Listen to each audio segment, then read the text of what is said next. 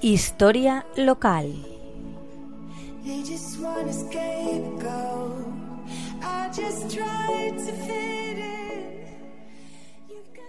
Buenas tardes, amigas y amigos de la Tegua Radio.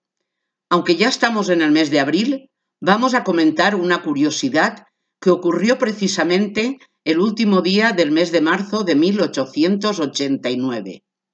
Con motivo de la Exposición Universal de París, se inaugura en este día la Torre Eiffel, obra maestra de la arquitectura del siglo XIX, siendo el propio Eiffel quien hizo una bandera en su punto más alto.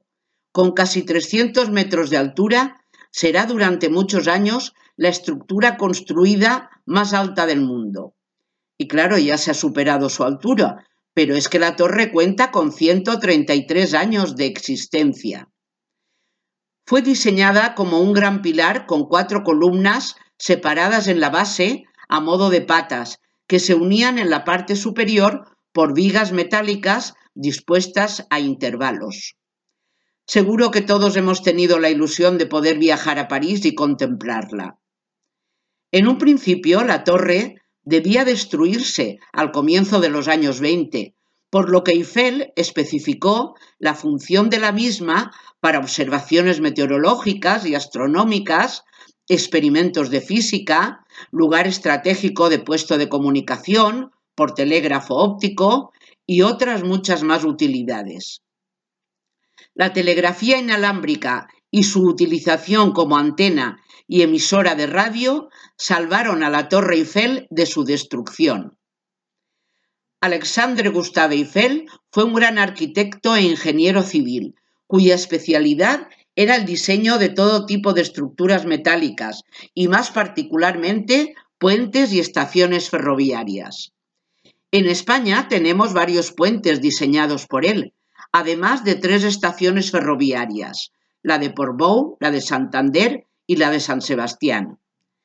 Además de estas construcciones dirigidas por él, hay otros edificios ejecutados según su estilo, como la estación de Atocha de Madrid, diseñada por Alberto Palacios, que fue colaborador suyo, o el Palacio de Cristal del Parque del Retiro, también en Madrid.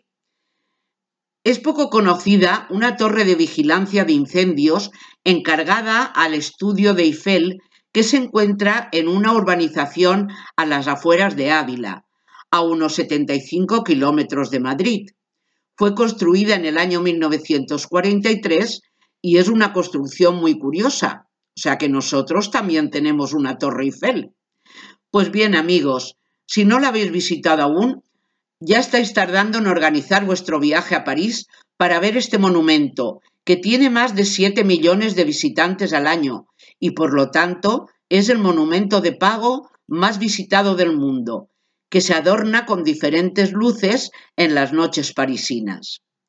Un saludo muy cordial y hasta la semana que viene.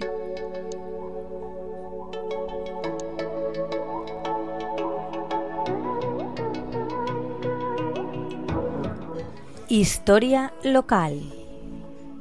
They just want a scapegoat. I just tried to fit